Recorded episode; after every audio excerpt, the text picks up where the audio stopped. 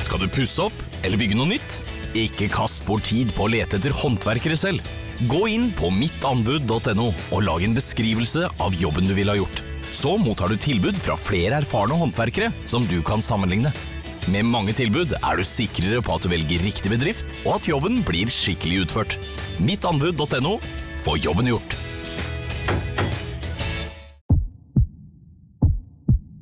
Otto og Anne tar pulsen på landet. Ja, det gjør vi. Jeg heter Otto Jespersen, og hva var det du het igjen? Jeg heter Anne Grosvold, og hver uke har vi med oss en interessant gjest. Det har vi. Otto og Anne tar pulsen på landet. Hører du der du hører podkast. Ready? You have the cameras rolling? He was hosting boozy parties in Downing Street. Well, when the president does it, that means that it is not illegal. I have a dream.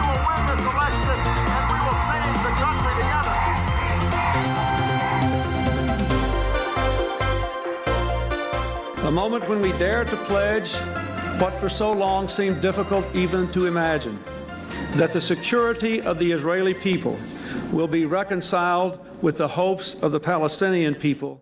Velkommen. Velkommen. Mitt navn er Eirik Bergesen, Og mitt navn er Sofie Høgstøl. og dette er vår nokså uhøytidelige, veldig personlige forsøk på å gå bak ukas nyheter, lete etter sammenhenger, si noe om fremtiden, på jakt etter det store bildet slik vi ser det.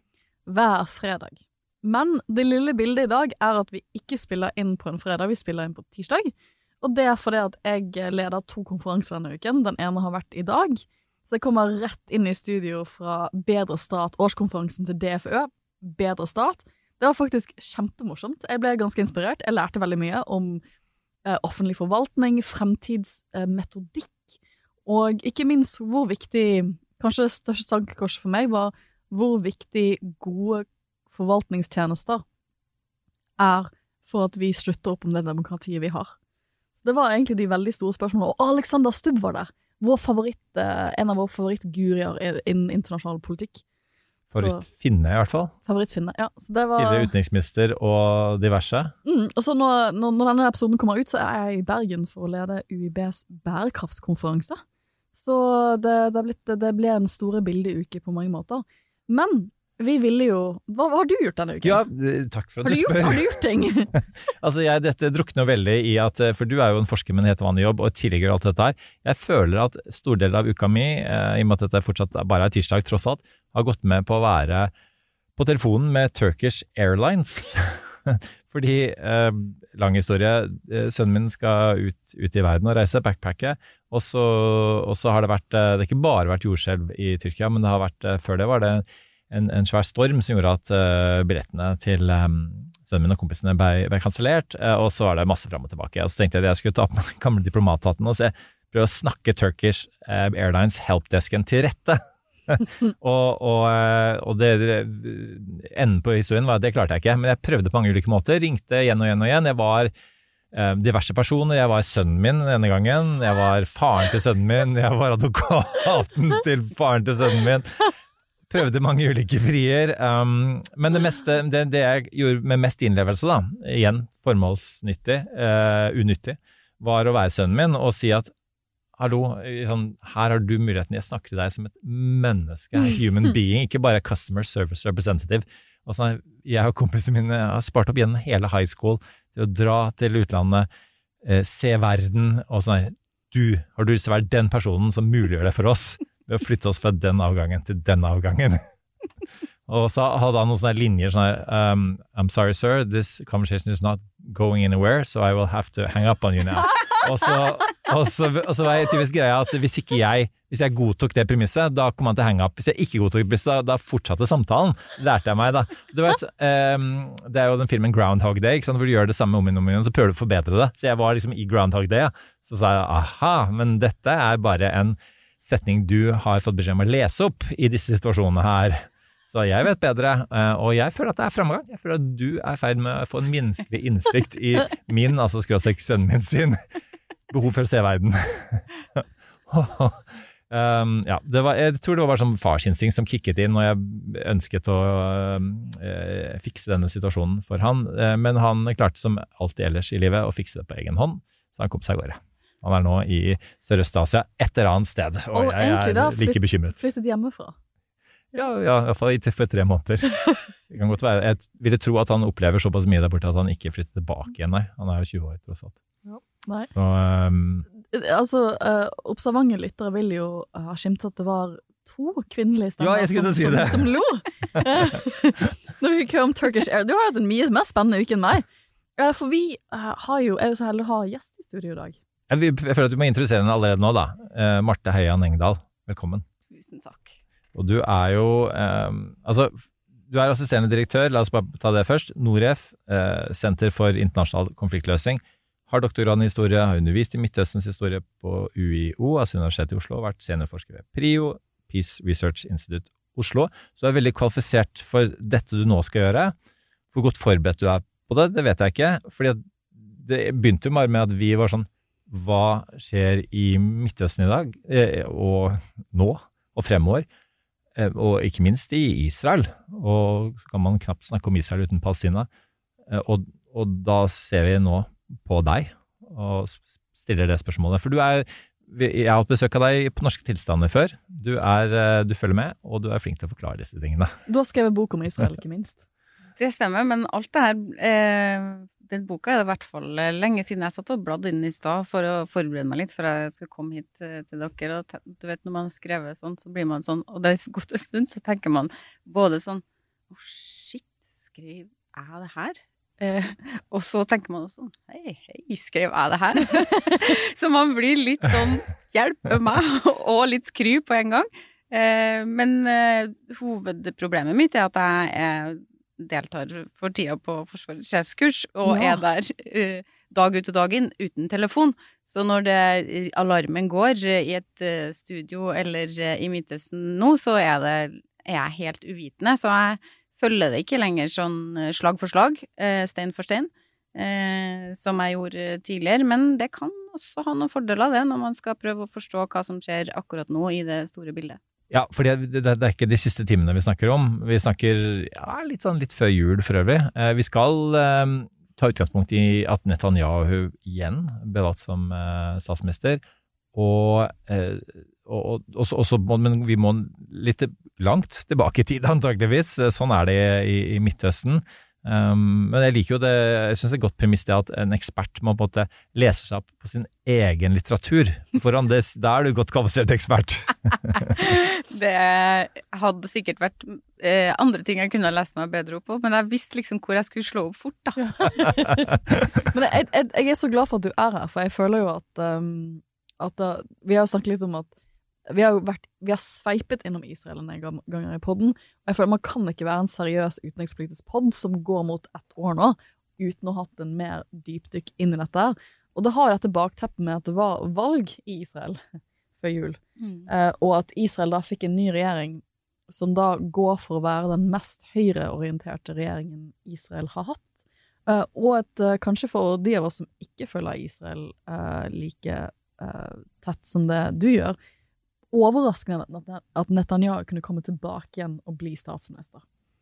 Eh, og da lurte jeg på om du egentlig kunne begynne med å, å ta oss altså Jeg tror mange fulgte kanskje Israel-Palestina-konflikten tettere under Trump, for da var det jo Da skulle jo Trump uh, mekle fred i Midtøsten, og sendte Jared Kushner, svigersønnen sin, ut. Eh, det var noen sånn veldig seriøse intervjuer med han, eller om han, i sånn de store utenrikspolitiske magasinene, hvor jeg føler de mer, eller mindre prøvde å lansere han som en sånn fredsprisvinnende kandidat, og at dette kunne han gjøre, da. Og så kommer covid, og så, um, etter hvert så kom, blir det jo krig i Europa, og fokuset vårt flytter et annet sted. Men for de som kanskje ikke har fulgt dette så tett siden Trump-dagene, og siden Netanyahu gikk av som statsminister, hva er det som har skjedd som gjør at han nå kunne vinne et valg igjen? Og jeg tror det er ganske mange ting som skjer samtidig da. Eh, og noen av dem er litt vanskelig, må jeg innrømme som liksom analytiker, å, prøve å forstå. Eh, det israelske politiske landskapet er ganske annerledes eh, enn vårt.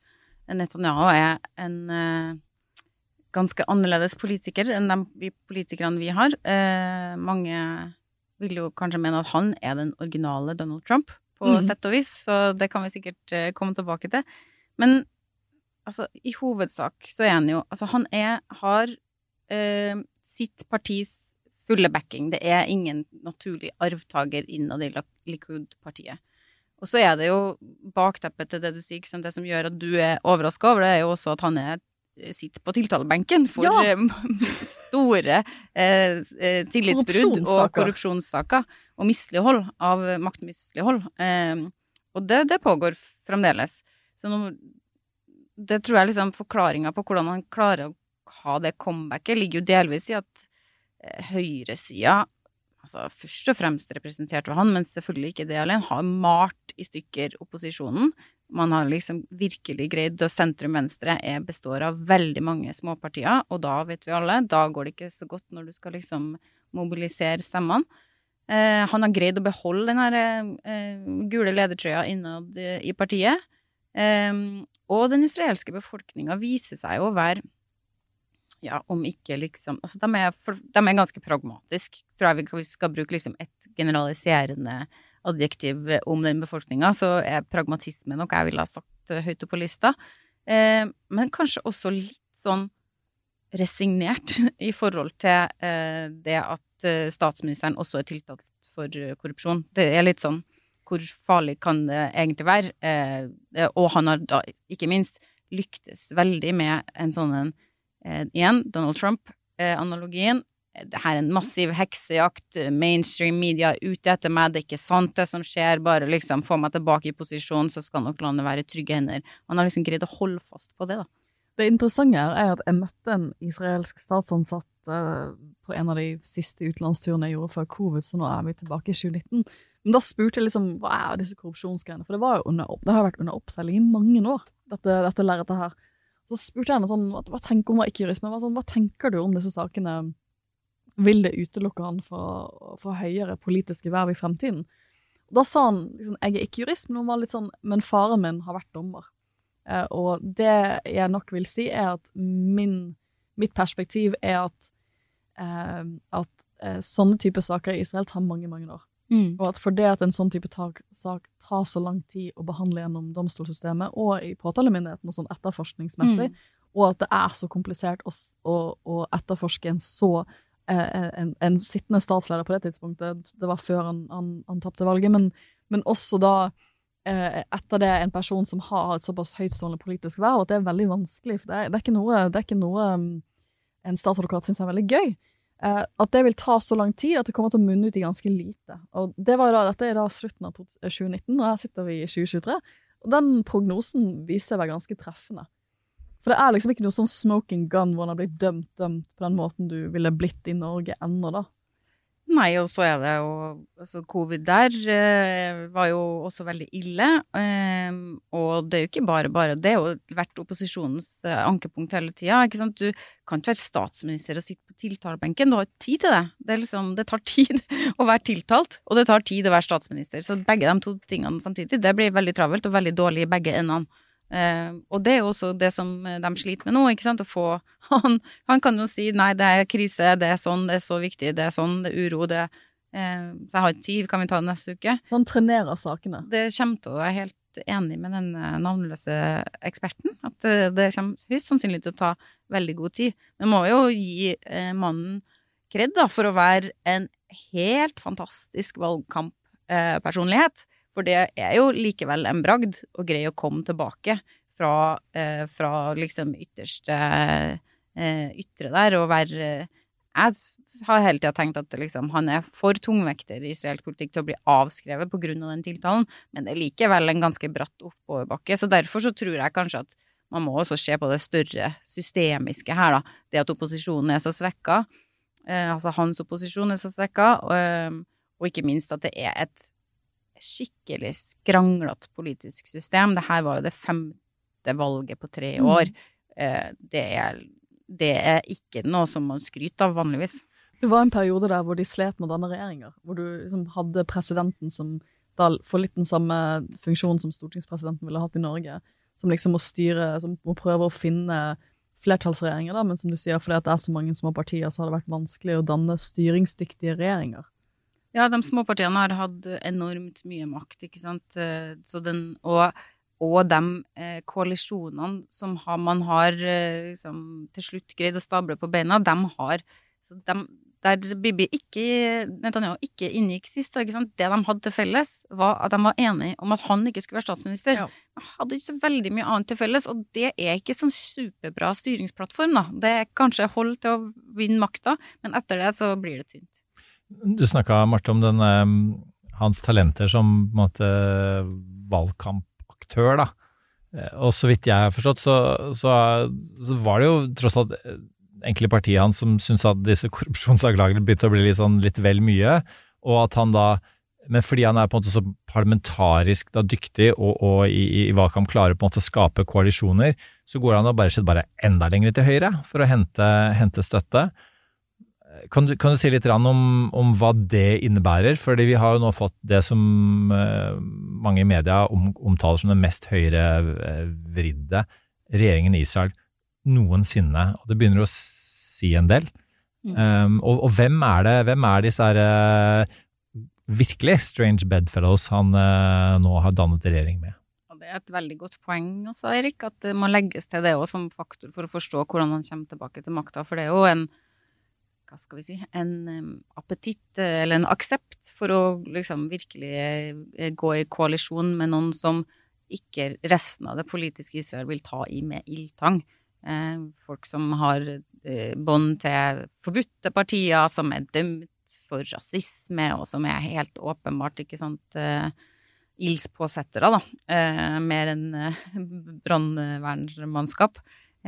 Så det, det er folk som eh, nå er i posisjon, som har eh, Som kommer fra, fra den nasjonalreligiøse bosetterbevegelsen, eh, som i, i seg sjøl er en, en ideologisk vanskelig gruppe å ha i koalisjonen, da, fordi de for det første har gitt sitt eget Altså bosetterbevegelsen, de er jo bevæpna, tungt bevæpna, eh, tungt eh, ideologisk eh, forankra, og de har fått eh, De liksom har inntatt byråkratiet, og nå også politikken og ministerpost, viktige ministerposter.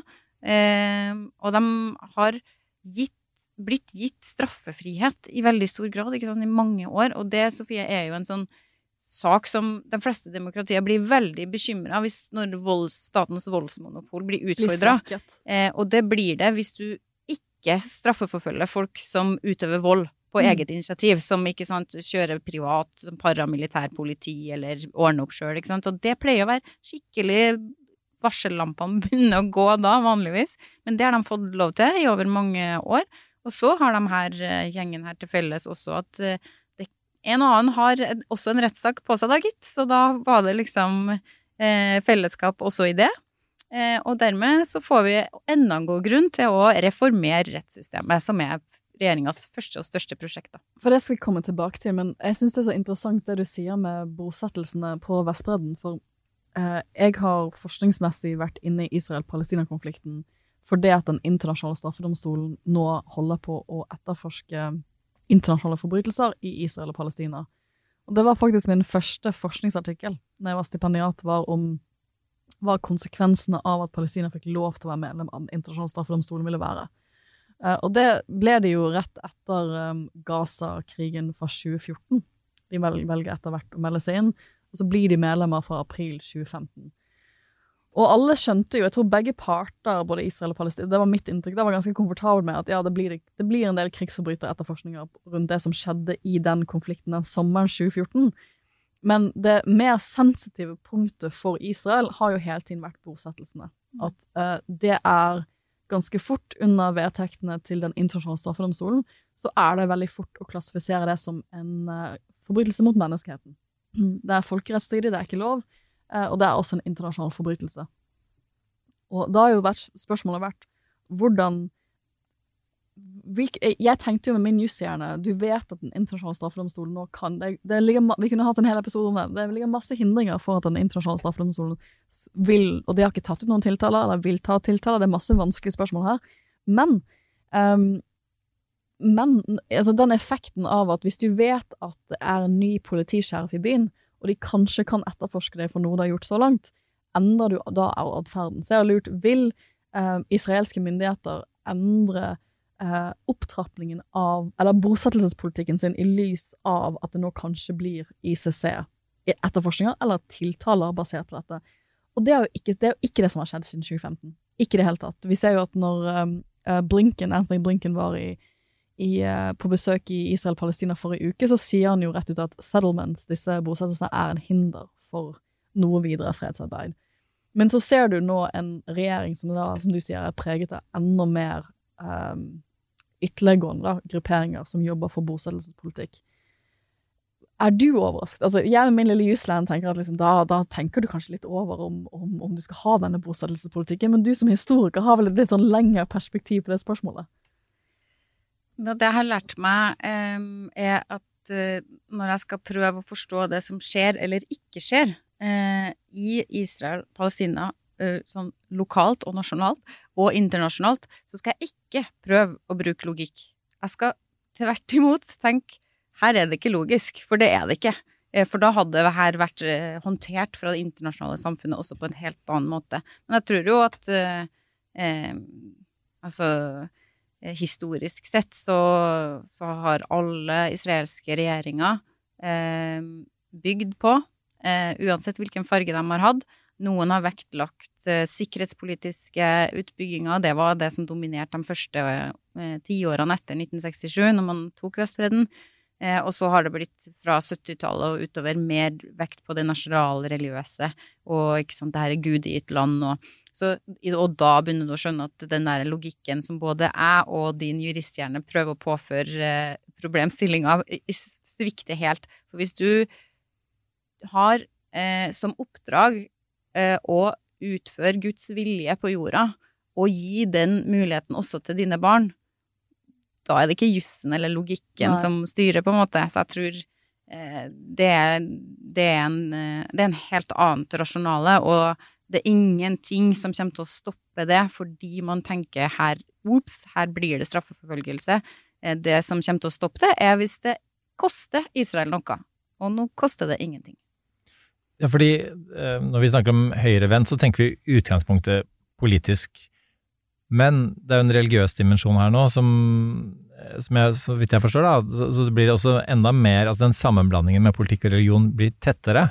Så i gamle dager så kunne man eh, si sånt som at eh, Nei, jeg, jeg, kritiserer ikke jødedommen, jeg kritiserer staten Israel for deres politikk.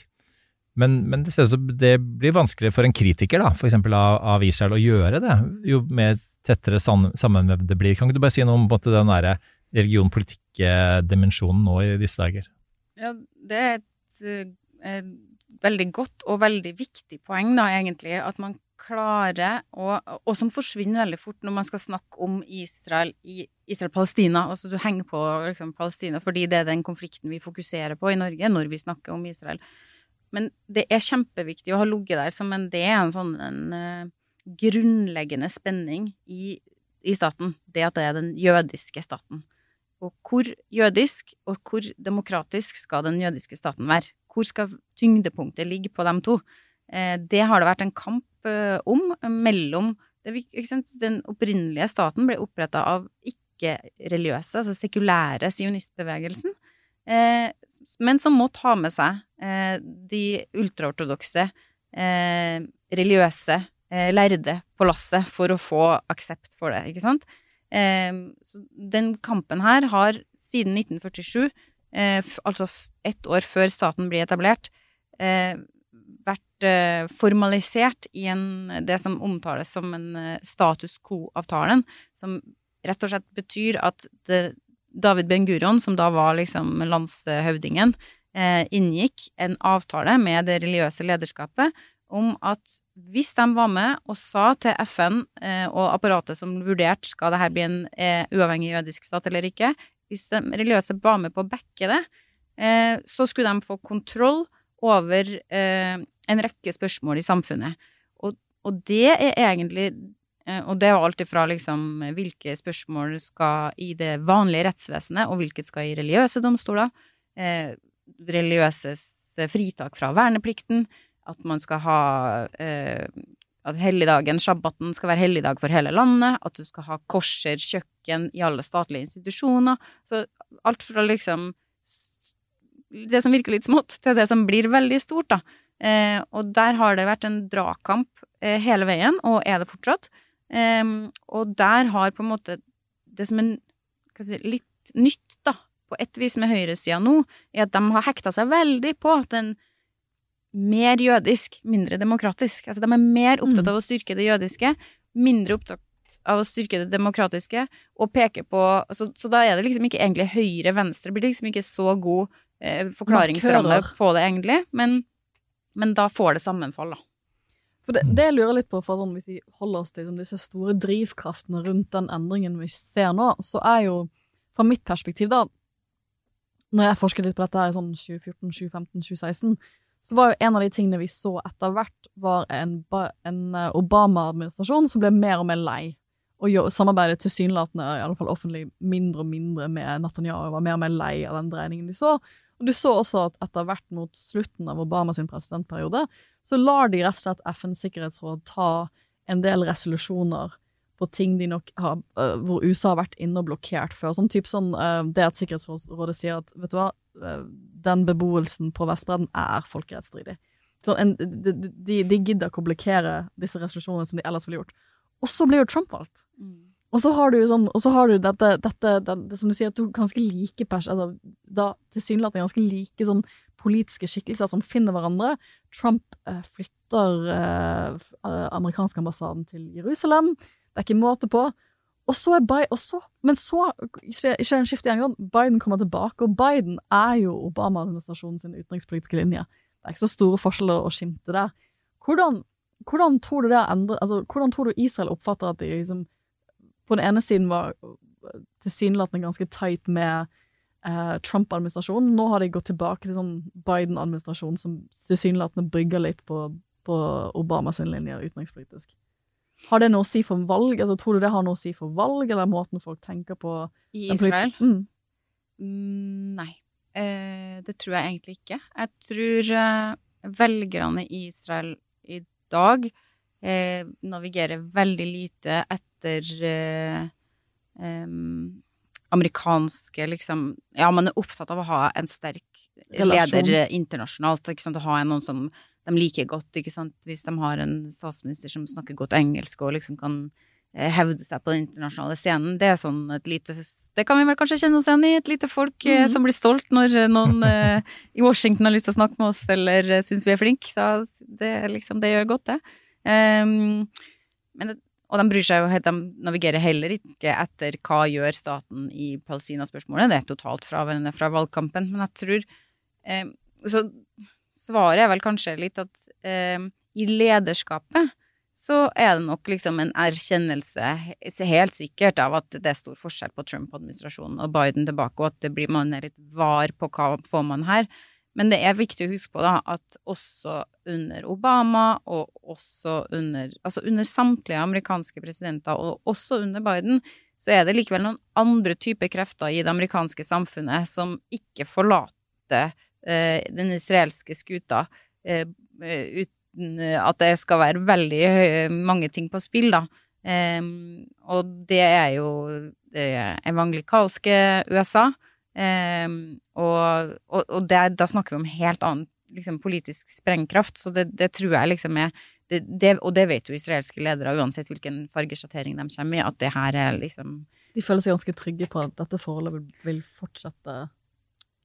de føler seg trygge på det, men det er jo der en forskjell på israelske Altså, Netanyahu føler seg jo mer komfortabel i favntaket til det kristensionistiske, evangelikalske USA eh, enn eh, venstre, sentrumsorienterte politikere i Israel. Fordi det er jo klamt, det favntaket, fordi hvis du liksom ettergår det litt mer, så skjønner du at ah, den støtten som de her kristensionistene i USA gir til Israel, det er jo basert på den her Armageddon-tankegangen.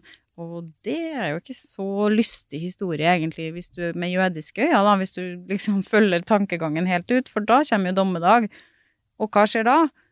Ja, da er det jo enten konvertering til kristendommen eller lukt til helvete for oss alle sammen. Så det er jo liksom det er jo det type favntaket som Israel tradisjonelt sett har hatt fra amerikansk hold. Det har jo vært basert på helt andre ting. Eh, så, det, så det er nok, skillet nok. Men der er Netanyahu mer eh, pragmatisk, hvis vi skal bruke det ordet. Ja, hvis vi snur på det, da, så ser vi på hvordan er det USA ser på Israel, og ikke motsatt vei. Så eh, Blinken var der nylig på besøk. Du har Um, eh, Omar Ilan, som, uh, som ble stemt ut uh, av sin kongresskomité for å ha tatt opp Israel-spørsmålet, og flammende støtte fra Alexandria Ocasio-Cortez, som kanskje mange fikk med seg i sosiale medier. Altså, hva tenker vi, og nå ser jeg litt på deg, eh, Sofie, hva, hva, hva tenker vi USA-ekspertene her om måte, rollen Israel spiller i amerikansk politikk? For det er også interessant å følge. Jeg husker jo da jeg jobbet på ambassaden i Washington, så, så ble da tidligere førstedame Hillary Clinton eh, Hun skulle stille til valg som senator for New York, eh, og fra å være ja, altså vi vet jo hvor, hvor, aktiv Bill Clinton var i uh, Oslo-avtalen, og, og, hun var ved hans side. De sies å ha vært nære venner av uh, Arafat og kona.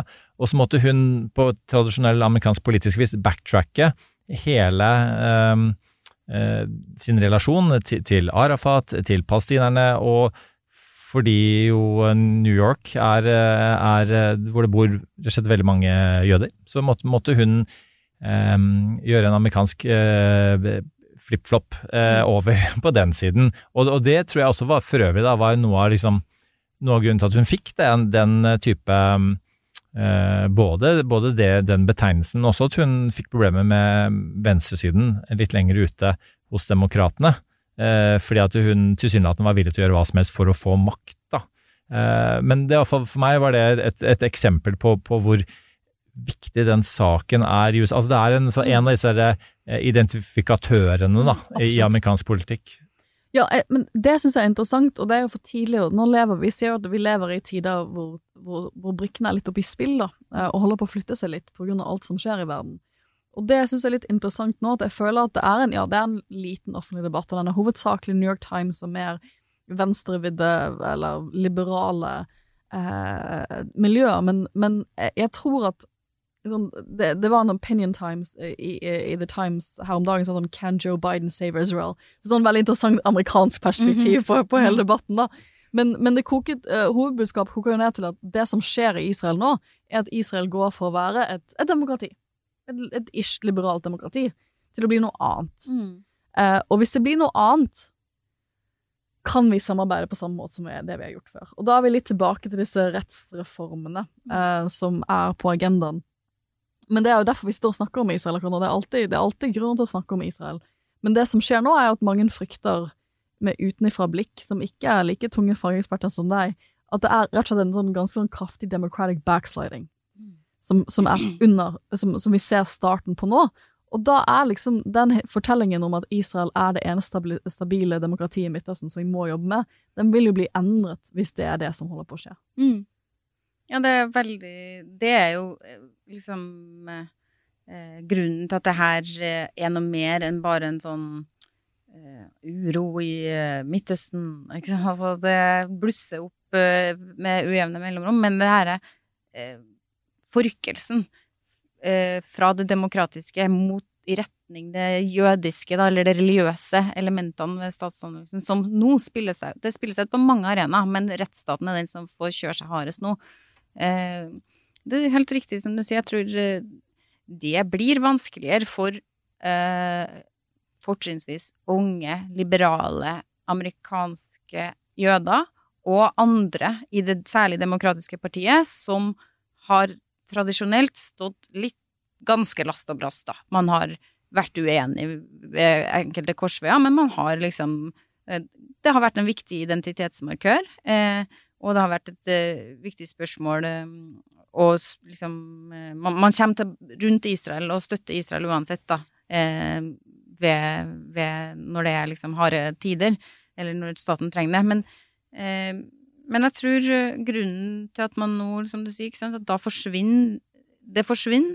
og det eh, det forsvinner at man, det argumentet eh, og, og sannheten da, om at det her er en liberal, demokratisk eh, stat som trenger sikkerhet og beskyttelse.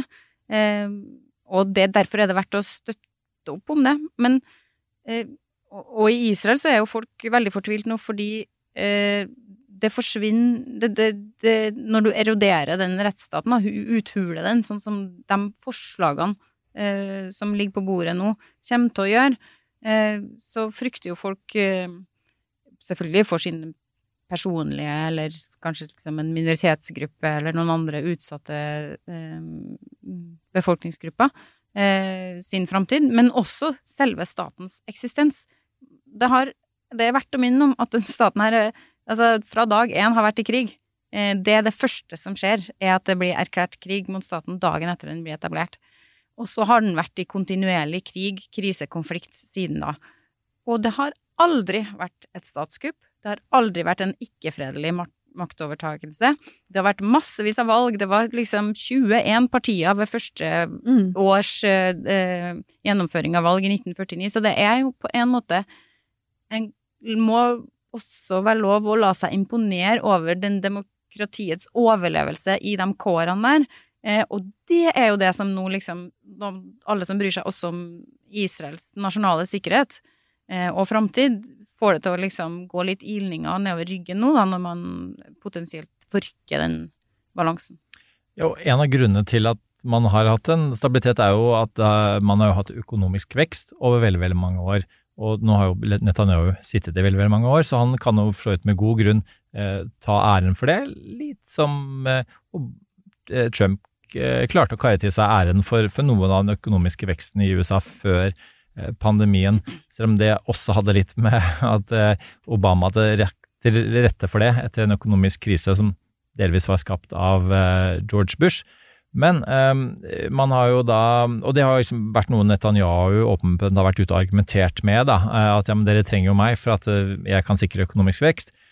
Og så så man nylig at um, en, eh, altså to tidligere sentralbank, eh, eh, såkalte guvernører, var ute og sa at det han gjør, og for det kan du hive deg på etterpå her, så vi dette med, med høyesterett og uavhengigheten der, det gjør at Israel blir mindre attraktiv for utenlandske investorer, kredittratings går ned, og så var det vel noe sånn som 370 israelske økonomer som ekkoet det. Så så vi at tech-sektoren, som jo er over halvparten av økonomien, var ute. Da var folk demonstrert i, i hele landet med, med, plakat som No Democracy, No High Tech. Altså, er det eh, Så jeg ønsker å høre bare litt om, om, det, om det backlashet da, som, som systemet gjør. ikke bare når hvis politikerne og parlamentet ikke Knesset ikke klarer å slå tilbake, så, så, så jeg ser det et gryende opprør i i systemet, men, men, så vi kan ikke du bare ta oss litt gjennom også det som har skjedd med Høyesterett, ja, midt oppi det hele? Eh, vi var jo så vidt innom dette på eh, en episode i, i januar, eh, og det er jo litt interessant, for jeg burde egentlig ha spurt Anine Skjærel om å være podden, for hun er ekspert på akkurat det her. Men kort og Jeg har tenkt på det mye siste uken, på, på fredag så hadde jeg eh, domstolskontroll med studentene mine på just, eller på torsdag. Eh, på jussen hvor vi snakker om akkurat det vi skal rollen til domstolene i demokratiet vårt. Vi gjør liksom alle de tre statsmaktene. Hva gjør Stortinget, hva gjør, gjør regjering, og så hva gjør domstolene? Og da bruker vi den andre timen av kurset på å snakke om det, skal, det, det som Israel prøver å endre på nå, og det er den funksjonen Høyesterett da ofte har i å prøve ut det man på pent juridisk språk kaller grunnlovsmessigheten til vanlige lover. Det vil si at eh, en domstol sier ok, Stortinget har vedtatt dette vedtaket, heller denne loven her. Er det innenfor eller utenfor de spillereglene i Grunnloven vår? Hvis det er utenfor spillereglene i Grunnloven vår, så må vi sette loven til side. Da er den ikke gyldig lov, for den er ikke i tråd med Grunnloven vår. Hvis vi tenker på at Grunnloven er en sånn ytterrammene av hva som er lov eller ikke å gjøre i staten. Eh, og det, selvfølgelig, når domstoler gjør sånne ting, så skaper det alltid gnisninger med lovgivende myndighet. For det er sånn, vent nå litt, dette har vi faktisk vedtatt, det er vi som lager lover i landet her. Dere skal liksom bare følge opp de lovene og liksom anvende de i, i rettssystemet. Og nå kommer du og sier at den eh, endringen i eksempel straffeprosessloven som gjør det lettere for PST å overvåke, de skal komme her og si at det er i strid med eksempel retten til privatliv i Grunnloven. Det syns, jo Det er jo ingen statlig det, Regjeringsadvokaten i Norge syns ikke er veldig gøy når det skjer her hjemme. ikke sant? Det, det skaper alltid gnisninger opp mot det juridiske miljøet. For da vil det nok alltid være noen som føler at her tar inntar Høyesterett en sånn um, rolle hvor de blir liksom litt politikere. For de sier at nei, vi slår ned disse reglene for det, på grunn av disse rettighetsbestemmelsene ofte da, i, i grunnloven vår. Samtidig så for da, Vi har en sånn diskusjon på kurs om for og imot domstolskontroll, men eh, selvfølgelig, er, jeg utdanner jo unge jurister, så alle er jo for domstolskontroll. Men, litt av grunnen til det er at hvis du skal ha en grunnlov som setter noen ytre spilleregler for hva statens myndigheter kan gjøre, så er det jo noen som må følge opp at de spiller etter de reglene de selv har satt. For det er det egentlig man gjør når man er en høyesterett, når man er høyesterett og man får en lov, da, for eksempel, som man da setter til side fordi det, det ikke er i tråd med Grunnloven. Man sier egentlig bare at staten har sagt at dette er grunnreglene for alt, og så har de laget noe som er utenfor de reglene, og da kan ikke det være gjeldende. Derfor har de endret Grunnloven. Vil jo ofte være svaret til, til en jurist, da. Men det, og det som, i korte trekk det som eh, jeg har skjønt er kjernen, og kanskje den mest skumle kjernen i disse domstolsreformene, det er jo ikke bare det at det skjer, for vi ser jo en del andre land, som Ungarn for eksempel, som har vært i samme type løp, da. Det er jo ofte at man begynner å kødde med eh, måten Høyesterett er sammensatt på. Det er et klassisk det er sånn et klassisk første verktøy hvis du har lyst til å dreie om staten litt bort fra demokratiet, og gjøre den litt mindre demokratisk. Eh, og det man ønsker å gjøre, sånn som jeg har skjønt denne reformpakken, det er at man ønsker å gjøre det sikkert hvis, uh, hvis israelsk høyesterett uh, sier at uh, vet du hva, dette vedtaket fra, fra, fra deres Stortingets og Kneset er ulov, det er utenfor Grunnloven, vi setter det til side. Da kan Kneset bare samles, og så kan de ta og vedta, vedta med simpelt flertall, altså 51% av de som sitter i salen, kan bare vedta at det ser vi bort ifra. Fuck you, Høyesterett. Dere sier det er grunnlovsstridig, det driter vi langt i, vi bare vedtar at sånn er det. Og det betyr da, hvis du skal tenke litt Og jeg tenker jo som jurist alltid som hva ville jeg gjort hvis jeg var diktator? Jeg har laget en hel podkastserie om hva jeg ville gjort hvis jeg var, var diktator. Så ville jo da eh, laget en lov som jeg vet For eksempel en overvåkningslov, som jeg vet egentlig ikke er i tråd med grunnlovsbestemmelsen om retten til privatliv. Jeg vet det på kanten. Men jeg driter jo i det, så jeg lager den loven, og så kommer Høyesterett tilbake til meg og sier vet du hva, dette strider med, med retten til privatliv. Og så bare vedtar jeg da med et simpelt flertall, samme simple flertallet som vedtok den første loven, at det, det, det, det blåser vi langt i. Uh, og for hvis du begynner å legge opp til sånt system, så har du ikke en fungerende rettsstat, ytterst sett. Uh, for det, det, de egentlig burde gjøre, er å endre Grunnloven. Men det har du ikke flere, der trenger du ofte ikke et simpelt flertall, der trenger du et mye høyere flertall. Uh, og, og Det rokker jo ved hele maktfordelingssystemet, for da svekker det jo egentlig domstolene som en uavhengig organ. Og da har du ikke på samme måte kraftfulle, uavhengige domstoler som kan følge opp vanskelige saker, som for eksempel at den sittende statslederen din er korrupsjonstiltalt. Nettopp. Nå er jo ikke jeg er jo langt ifra en Anine Kierulf, men jeg kan i hvert fall eh, legge til at eh, the kicker her er jo også at Israel mangler grunnlov. Eh, ja. eh, og det Jeg trenger ikke i utgangspunktet å være et kjempeproblem, det, ikke sant, men da er vi tilbake til det vi snakka om i stad. Eh, gi og ta pragmatismen i sionistbevegelsen Eh, det de religiøse lederne sa i 1947 når begurene sa hei, hei, bli med og lage en stat, så sa de nei, eh, ellers, tusen takk, det blir ikke noe lov over Toraen. Det er Guds lover som gjelder, så det blir ikke noe Og så sa de eh, nei, men hva om dere får eh, råderett over alle spørsmål som er det private domenet, personlige og private spørsmål, eh, og så kan vi ta resten i det sekulære rettsapparatet, eh, og så dropper vi grunnlov. Da tar vi det på et senere tidspunkt, kanskje. Eh, så det er jo eh, i alle fall et man... svakere fundament enn de rammene som ja, du det... eh, med dine hender i radiostudio nå skisserte veldig tydelig. Man fikk ja. en god følelse av at man var, fikk en klem av Grunnloven, og at den står der, og den kan vi bare holde oss fast i. Men eh, den mangler, da. Så den er erstatta. Istedenfor finnes det tror jeg, elleve basic laws. Ja som eh, adresserer de samme tematikkene som en grunnlov ville ha gjort, men da begynner det å se litt mer vaklevorent ut, da, for at jeg tror ikke du trenger å være jurist for å se det. Nei. Nei, og det, da, da, blir man jo eh, alle Dette er en sånn vedvarende debatt. Storbritannia har jo ikke en nedskrevet grunnlov. De har da sedvanerett. Jeg, antar, jeg har heller ikke studert uh, juss i Israel, men jeg antar at Høyesterett ofte vil si at her er det en sedvane som har dannet seg. Det er ikke nedfelt i en grunnlov, men det har liksom grunnlovsrang, da, denne sedvanen her. Og da ser vi loven opp mot den. Men det er jo mye mer ullent, og alle burde ha en nedskrevet grunnlov. Eh, jeg klarer ikke å ta bort det visuelle bildet som du ga nå, Marte, av eh, Grunnloven som klemmer eh, Sofie, eller oss alle for så vidt. Eh, og det er litt sånn Ari Gold i Entourage, Let's Hug It Out. Mm. Altså en skikkelig hug-out med Grunnloven, med folkeretten. Eh, Det er sånn du ligger våken og drømmer om om natta, tenker jeg, eh, Sofie. Absolutt. Eh, men men jeg, skjønner, jeg skjønner jo veldig godt at hadde dette skjedd i Norge, så hadde jeg også vært ute på gaten og protestert. Men da har jeg et spørsmål til deg, for eh, jeg tar jo alltid tak i nærmeste jurist eh, hvis jeg har anledning, og spør fordi jeg i mitt eh, fattige hode ikke klarer helt å forstå alltid liksom rekkevidden av de tingene i det her reformforslaget. Eh, hva, hva betyr det, liksom? Hvor farlig kan det være? Men neste problemstilling, da. Én ting er jo at nasjonalforsamlinga, Knesset, kan eh, bestemme, eh, slå ned på en høyesterettsdom.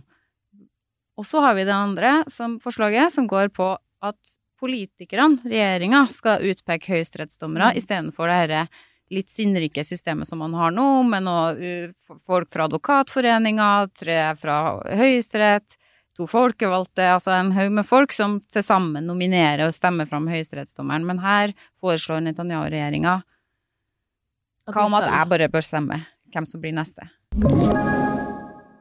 Kiwi er billigst i VGs matbørs og har vært billigst i fire av de fem siste VGs matbørser. Og nå presser vi prisene på frukt og grønnsaker. På 200 gram broccolini setter vi prisen til 24,90. På 400 gram Cevita blåbær setter vi prisen til 49,90. Og husk, alle Kiwi Pluss-kunder får i tillegg 15% trumfbonus på all fersk frukt og grønt. For det er vi som er prispresserne. Og vi i Kiwi gir oss aldri på pris. Og Marte, for et spørsmål. Dette har jeg ventet på hele livet mitt. Uh, nei, men, men det er jo litt sånn, det er to ting her. De, på den ene siden så vil de gjøre det lettere for de folkevalgte å vedta lover som de kanskje vet er på kanten med det Høyesterett ville sagt har vært innafor. Eh, for de har ikke så mye å si lenger, for de kan bare, de kan bare, de kan bare bortvise Høyesteretts innvendinger. Det er den ene tingen de gjør. Den andre tingen er at de har lyst til å begynne å tukle litt med prosessen på hvordan man blir høyesterettsdommer. Og det er jo en klassiker vi ser ganske mange andre steder, hvor for eksempel man jo nå har Altså, i Polen har det vært lange strider om, om høyesterettsdommer, og der tror jeg man satte man ikke ned pensjonsalderen. Og da bare førtidspensjonere en del For man sitter jo eh, på li... Altså, det er jo et livstidsembete når man først får noe sånt i de aller fleste land. Ikke her. Eh, ikke altså her. ikke her som i Israel. Nei, nei, men liksom, de aller fleste land er det jo det, og det er jo vanligvis Det er jo alltid vanskelig altså, I Norge så er det jo også teknisk sett regjeringen som utnevner høyesterettsdommere, men du blir jo innstilt uh, på bakgrunn av en faglig vurdering, da, som er en sånn type komité som litt det du beskriver nå i Israel. Og det, det er jo, dette er jo, blir jo en politisering av dommerutnevnelsesprosessen, og det er jo Vi ser jo hvor godt det har fungert i USA. Super, superbra opplegg. Superbra. Uh, og det er jo også en måte å gjøre uh, Høyesterett og få det til å se veldig politisk ut. Hvis du begynner å tukle med hvem som sitter der, og får det til å se ut som en politisk prosess, og hvem vi liker politisk eller ikke juridisk, så svekker jo det Det er jo det vi sier i USA. Det svekker jo på sikt tilliten til folk om at Høyesterett er en uavhengig juridisk organ som ikke er politisk. Eh, Og da er vi igjen midt inne i dette veldig vanskelige skillet mellom jus og politikk. Dette kunne vi snakket lenger om, men jeg føler at uh, Eirik, vi, vi må jo komme litt innom hva som skjer med fredsforhandlingene nå. Ja, fordi nå skal jeg eh, ta på det som er igjen av min UD fredsdiplomathatt. Det er en hatt fortsatt, ja. Ja, den ligger i en skuff. Skygge- Eh, Skal jeg se om jeg finner den her. Eh, altså, eh, og det som jo minner oss på dette, er én at eh, Norge har sittet i Sikkerhetsrådet nå i eh, to år, og posisjonert oss på en måte som vi også sikkert kan dra nytte av eh, fremover.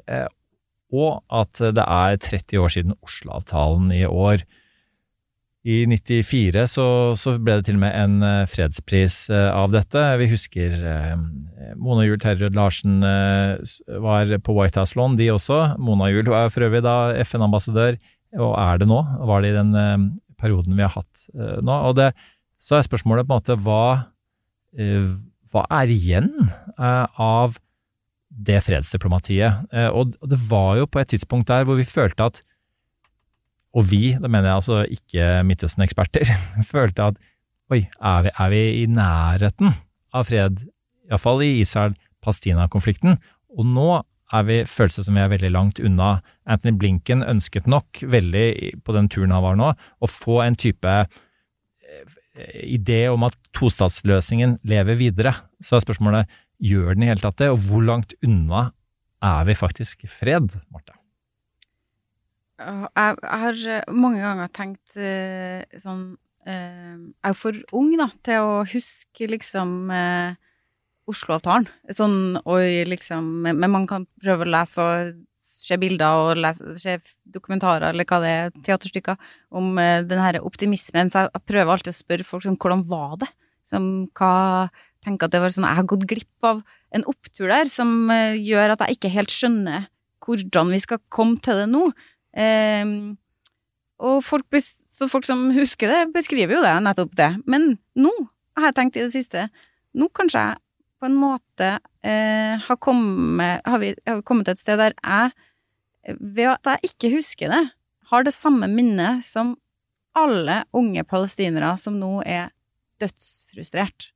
Ingen av dem husker noe optimisme. Den oppvoksende generasjonen som eh, man frykter eh, Altså, det blir Jeg tror ikke det blir noe leda eh, intifada eller palestinsk opprør eh, som man har sett tidligere. Jeg tror ikke en krise lignes sjelden på den forrige, men jeg, jeg tror eh, det er verdt å huske på, da, at de har null eh, historikk med håp. Eh, og hvis du smaker litt på det, eh, så det, det er utrolig urovekkende. Men, altså, ehm, du nevnte intifada, og kan man på en, måte, på en eller annen måte karakterisere den type handlinger da, som at noe man, man tenker at ok, nå er vi kanskje i nærheten av å få til dette, vi må bare gjøre et lite folkelig push for å komme oss dit.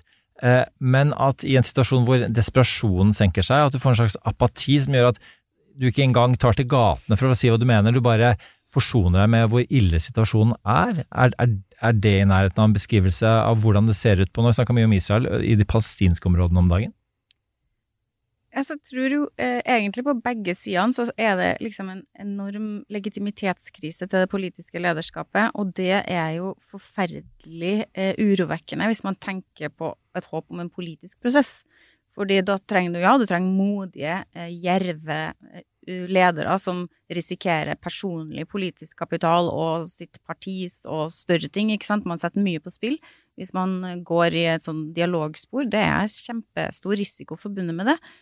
Men hvis du sier noe, da, en, hvis vi tenker oss en fantasiverden der Benjamin Netanyahu og Mahmoud Abbas våkna i morgen, og så tenkte de fy søren, da. Hadde vært kulere å være den personen som liksom endte denne konflikten. La meg være den personen. Litt sånn som du prøver å appellere til Turkish Airlines, ikke sant? Be a better person. Eh, hvordan skulle de fått med seg folk på det? Altså, distansen, begge to, har ville slitt massivt med å få folk, og det er det store eh, som er annerledes nå enn under og et, rett etter Oslo-avtalen. Fiendebildet har fått bygd seg til å bli stort og svart. Eh, det er ikke noe eh, hukommelse om bedre tider, eh, hos de unge særlig, da, og det er ikke noe legitimitet i sitt eget politiske lederskap, så det er ingen du, det, du tenker ikke at ja, det der mennesket vil jeg følge etter. Det mennesket har vist at det ønsker å ta vare på. Så jeg tror eh, det er det som gjør meg personlig eh, mest pessimistisk da, på vegne av mulighetene til et eventuelt eh, fredsdiplomati, om man så skulle våkne opp i morgen med politiske ledere som ønska det. Bare et lite eh, begrep da fra fredsdiplomatiet. Eh, BATNA, Better Alternative to a Negotiated Agreement. Ikke sant? Hvis du, situasjonen din er så ille at du tenker at enhver avtale eh, som innebærer visse premisser, det er bedre enn status quo. Men hvis, ender, hvis du ender da der du egentlig beskriver at vi er, at, at tilliten til de som skal lage en sånn avtale er så lav at selv det eh, ikke mm, er, nok til å ønske seg noe bedre enn den forferdelige situasjonen man er i nå, så får du en slags sånn herre eh, sånn sirkeleffekt, altså bare sånn her race to the bottom, egentlig, da, eh, hvor, det ene forsterker det andre, og så gir man nesten opp, og, man abdiserer til til folk som jo ikke har noe annet på hjertet enn å bli ved makten. De har ikke tenkt å utnytte den makten til noe annet enn at, de er de som bestemmer, og om det er en Netanyahu eller det er en, en Trump. Uh, og, og, og, der, Vi begynte jo litt med likheten mellom de to. Eh, og hva, hva, hva er egentlig Hva er det Netanyahu vil, egentlig? Hvor, hvorfor vil han være eh, statsminister i det hele tatt? Det jeg lurer på samme om Trump, for øvrig. Ja, nei, det, man kan jo se rundt seg og se mange statsledere man lurer på det, egentlig, nå til dags. Det er jo ikke fritt for at det er vanskelig å forstå den enkelte. Em, og rasjonalitet um, er det ikke liksom så lett å få øye på verken her eller der. Men jeg tror uh, Altså, jeg kan ikke svare på hva Netanyahu egentlig vil, men jeg vet at han er veldig drevet av uh, Nå, nå er jo hans personlige um, per, framtid uh, hekta opp i muligheten til å ha makt, da. Fordi at han er også på tiltalebenken, så han er liksom så sammenvevd i embetet. Han som person og, og han som statsminister er liksom vanskelig å vri fra hverandre. Eh, men jeg må jo bare si, Erik, at det er jo et, et superparadoks her at eh, den eh, tostatsløsningen altså, eh, det er egentlig ikke hokus pokus, ikke sant? Eh, det her er en gigantisk menneskeskapt katastrofe som alle egentlig vet løsningen på. Så det er ikke mangelen på at man forstår at en deling eller sånn eller slik, ikke sant. Jeg sier ikke at det er enkelt, men jeg sier at det fins parametere man er enige om på internasjonale scenen som hadde ville vært de løsningene man hadde, hva- hva hvis man bare satte seg ved Hva- det, sånn- ved det bordet. Jeg skisserer et sånn veldig kort og enkelt veikart for oss nå. Hvordan cirka ser det ut?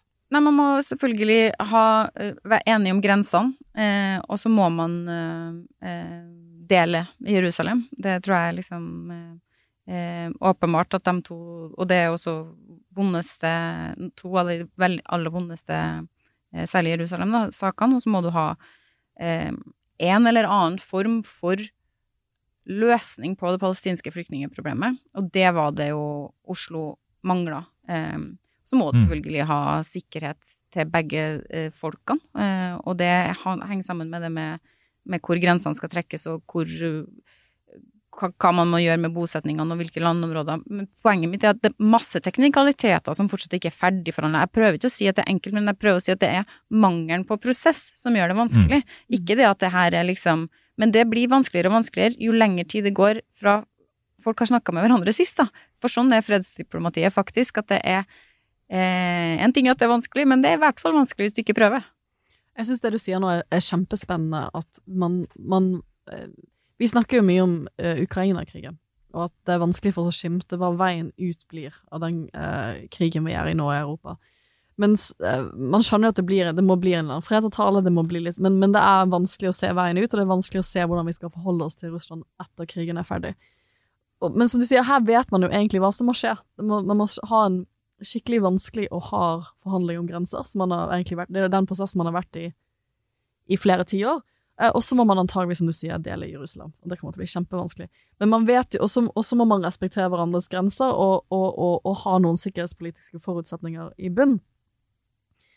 Men det å komme seg dit, da må egentlig begge parter vet at her må, be, her må begge, de, begge gi noe. Jeg syns det er veldig interessant det du sier om at det forsterker seg her ved at tilliten til det politiske styresettet i både Palestina og Israel har svekket seg, så at avstanden har blitt større, og at den tillitskrisen i politikken fører til en tillitskrise i fredsforhandlingene også. Og det jo, da blir jo det store spørsmålet hvordan snur man om den spiralen der, og det skal ikke du, skal ikke du trenge å snakke om, men jeg syns også det er interessant at, som du sier, at uh, vi snakker jo mye om Trump, Quiet, quiet, quiet. You are a rude, terrible person. Han, eh, en av de tingene som Maggie Haberman, som har skrevet bok om Trump, har snakket mye om, er at litt av grunnen til at han, antagelig Og det er jo vanskelig å analysere hva Trump egentlig vil, for jeg tror det er vanskelig for Trump å vite hva han egentlig vil. Men at en av grunnene til at han stiller til gjenvalg som president, er fordi at han har malt seg opp i et så stort juridisk hjørne nå, at for han er det attraktivt å være president, for da er, har du immunitet for en del type ordninger. Og det er litt det samme for Netanyahu, at du blir et skjebnefellesskapet hvor du søker ikke nødvendigvis etter makt fordi du tenker det har vært så digg og fett å være statsleder, men det er ganske mange andre grunner, og det, er jo ikke de folkene vi har lyst til å ha ved roret. For ikke å snakke om hvor digg og fett det er å innføre en eller annen politisk ideologi, om det så er si, fascisme. altså det, det er jo ikke noe ideologi igjen. Eh, og, og den det er jo noe av de skumleste politikerne. De som enten er, har en sånn narsissisme som trigges av vårt sosiale medie kjendisbaserte offentlighet i, i Vesten, eller som dere er inne på her, altså to politikere som rett og slett da det minste felles multiplum eh, er at, er at de er de, de, dere- deres fremste håp om immunitet. da. Mm. Det er jo ganske absurd at vi, vi er der. Og når da dette er to av tre aktører som må til for å få til Midtøsten-avtalen, så, og, og Trump er- leder jo på meningsmålingene, så det er jo, jeg skjønner jo godt at eh, enten det er Israel, Palestina eller Europa er redde for at han kan komme tilbake og tenker at la, la oss ikke make eh, long term plans i disse dager. Jeg tror eh, altså Min erfaring er i hvert fall at eh, alle der ute som lever i konflikt, blir i hvert fall ikke mest handlekraftig idet man begynner å gå inn i en amerikansk valgkampsyklus eller nærme seg den. Da blir man ganske bekvem på gjerdet der, for da er det greit å vite hvordan, hvem er det som vinner, og hvordan lander det, før man, før man begynner. Og nå i tillegg så er det jo sånn harde kår for fredsdiplomati eh, i, på det globale eh, scenen, og, og det er jo ikke med på å gjøre saken noe lettere, fordi eh, hvis du latterliggjør ideen om at dialog og fred eh, kan gi en løsning på noe, eh, så da, da står du egentlig igjen med én type problemløsning, eh, som er hammer, men eh, ikke alle problem er en spiker. En, en ekstremt viktig påminnelse, Marte. Og, og vi hadde vi hadde Mona Juel på eh, den, eh, altså, norske tilstander på TV 2 eh, nylig i forbindelse med at det har vært to år med, med Norge i Sikkerhetsrådet. og Da hun fikk det spørsmålet om måte, hva, hva er det man tross alt kan gjøre i vanskelige tider, men vi vet jo at ni av ti fredsprosesser feiler, så sa hun at man må begynne tidlig, eh, både å ha kontakt med partene i en sånn konflikt. Man må prøve å ha kontakt med partene gjennomgående, uansett hvor ille det blir. Og så må, man- må også begynne tidlig med å skissere type løsninger. Eh, og så vil noen eh, le av det, noen vil eh, bruke det eh, eh, som politisk skyts mot deg, men man måtte ikke gi opp håpet. Og, en av fordelene til Norge i altså norsk, såkalt norske modellen er jo at man har kunnet holde på over tid. Skiftende regjeringer, mye ressurser eh, økonomisk så, som er, er satt eh, til det, og man kan lande på Gardermoen i uh, hemmelighet. Og vi er på en måte mer en sånn bakdør til, til uh, verdensfreden, da, mer enn at vi har de manglende puslespillbrikkene.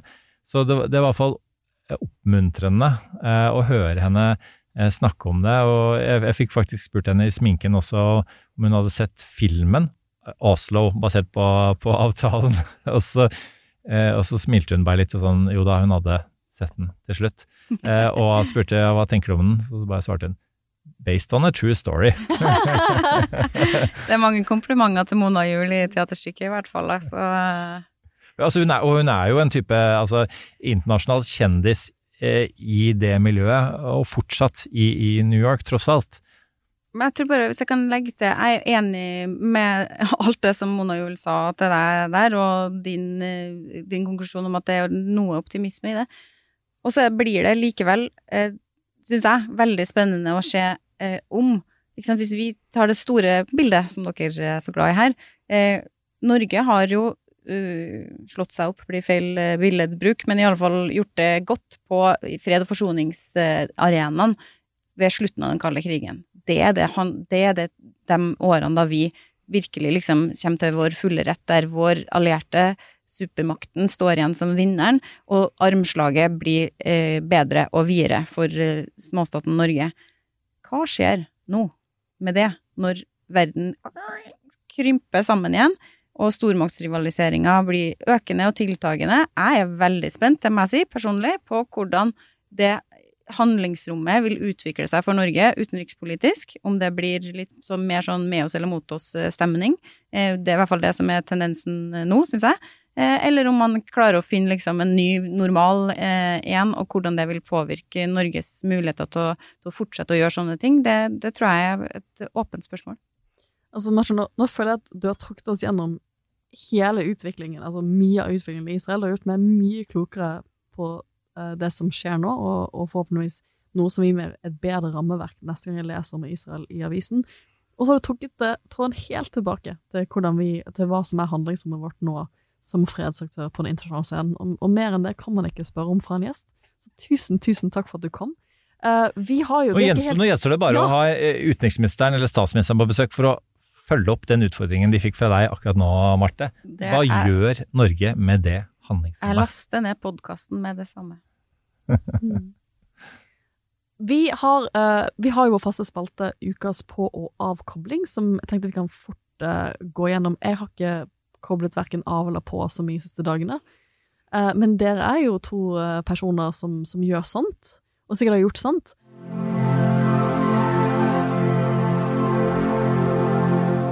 Marte, er det noe du har du, du har jo selvfølgelig boken din, men er det noe Det kobler jeg av med last. Den, ja, det Litt avkobling og påkobling med egen litteratur.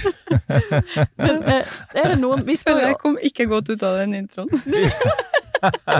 Vi må fortelle lytterne om at, at du, du rødmer veldig nå, og det som, vis, som eh, viser seg å ha vært en spøk, tross alt, vi skjønte det, Uh, har nå kommet og bitt deg bak. Nei, men, men, men vi pleier ofte å spørre om, om, om ting som vil gjøre lytterne våre uh, Gi de kilder som vil en bedre forståelse til dagens tematikk, og boken din er jo absolutt en av de tingene jeg vil anbefale folk å lese. Men hva er det du leser eller hører på podkaster når du skal bli litt klokere på det som skjer i Israel? Eh, ja, altså, jeg hører det, Israel har jo et rikt uh, podkastliv, akkurat som alle stolte nasjoner har nå til dags. Uh, så det er jo Det er mange forskjellige. Uh, eh, det er Men det er en Altså, jeg, jeg er sånn som jeg nå lytter innom, innimellom, og gjør, hører ikke på noe av det religiøst, eh, og da er det et politisk landskap i et forrykende tempo. Så man skal ikke være mange ukene av den podkasten for å føle seg eh, litt utdatert. Eh, men eh, fordelen er jo at man, som vi snakka om innledningsvis, at etter hvert, da, hvis man har fulgt med på noe over tid, så klarer man også fri seg fra små detaljene og ta liksom virkelig Heller se på det med i det store bildet. Og det er jo det som er eh, nå, syns jeg, det artigste. Så jeg tror Så prøver jeg. Jeg er av eh, typen som eh, ikke jeg oppsøker Jeg ser for eksempel Jeg så Fauda 1 og litt av to, og så ble jeg ganske provosert av hele serien etter hvert. Hvorfor det? så- Hva var det du, som provoserte deg? Eh, altså, første sesongen er jo eh, til å være en eh, israelsk TV-produksjon. Altså, de lager jo kjempebra TV-serier, eh, og det selges jo internasjonalt. Eh, mm, og da syns jeg det var liksom en ganske imponerende måte å menneskeliggjøre begge sidene. Ikke sant? Du fikk liksom Du så at her er det folk med svære, vanskelige dilemmaer, personlige, private, politiske, som står opp imot hverandre om å velge. Og så syns jeg liksom, etter hvert som serien spilte seg ut, at eh, på israelsk side så var det fortsatt masse dilemmaer og vanskelige skjebner, og så var det bare svartsyn og liksom eh, eh, bad guys på palestinsk side, og det blir litt sånn fordummende fortelling, så den uh, Mulig det er avkobling, men uh, uh, ja, ikke based on a true story. Men, men hva var podkastene du hoppa innom av og til? Jeg hører på hva skal hete dem, Tel Aviv Review, Times of Israel um, Ja, jeg husker ikke navnet på Ja, men det er to gode- det er Ja, begge er dem to gode er tips. Ja. Eh, og så finnes det jo også ganske mange som vi var innom. Det finnes også en god del eh, internasjonale, og særlig amerikanske, eh, podkaster. Tenketankene sine podkaster i Washington, for eksempel, har jo ofte Israel som tema. Eh, så der er det også noe å hente på de her store spørsmålene. Eirik, har du noe av- og påkobling denne uken? Nei, jeg syns det var egentlig gode eh, det- Altså, det, det med Veldig interessant eh, vinkling på, på Fauda, og det er jo litt sånn som eh, For du har sett den? Ja, og, og jeg eh, Det er jo sesong fire nå, eh, som, som mange har anbefalt som veldig bra måte dramatisk da, sett. Eh, og, og det er jeg er helt enig med deg at det er menneskeliggjøringen. Den, den er grunn verdt nok til å få kikke innom det. Eh, og så er det litt sånn, og det merker jo sikkert du også, Sofie, når man, når det, man filmatiserer, dramatiserer en, en politisk virkelighet man kjenner godt sjøl, eh, så, så blir man litt sånn derre man klarer ikke å frigjøre seg da, fra å se de logiske bristene og, og eventuelt den type en sånn slags sånn bias da, eh, og, og, og Men her- vri Men jeg vil bare si, på det som er politisk. Jeg, jeg, jeg er sånn, det er veldig mange historikere spesielt som sliter veldig med Mm. historiske drama. Jeg er ikke av dem. Jeg, så for eksempel, jeg syns, eh, Based on a True Story, Simona gjør om teaterstykket, det er jo sånn passe sant, ikke sant? Det er jo en veldig forvridning av historien. Men jeg for eksempel irriterer meg null over det. Jeg syns det er helt nydelig at noen har valgt å skrive et teaterstykke om et stykke diplomatihistorie. Det er jo helt fantastisk, syns jeg, så det burde liksom, så jeg er ikke opptatt av det. Men det jeg er opptatt av her, som jeg gjør at jeg syns at sånne ting som Fauda, den type dramatisering av fortellinga, eh, eh, bidrar negativt, er når du liksom demoniserer eh, en part, eller ett folk, eller eh, det, For det er ikke bare uriktig, men det er farlig. Ja, fordi kraften i god drama er sterk. Ja, det er kjempesterkt, og vi sliter jo alle sammen med å forstå eh, som vi har sett på um, The Crown, og vi tror vi kan den britiske historien basert på det, ikke sant? Så var det ikke sånn at Charles var jo veldig sånn Nei, det, kanskje det vet vi faktisk ingenting om, det er bare diktning. Eh, Og med det Med det, eh, tusen tusen takk igjen. Du fikk jo eh, eh, all verdens eh, fortjente klappsalver av Sofie i stad, så bare ekkoer det. Tusen takk, eh, Marte, for at du tok deg tid til å komme innom oss.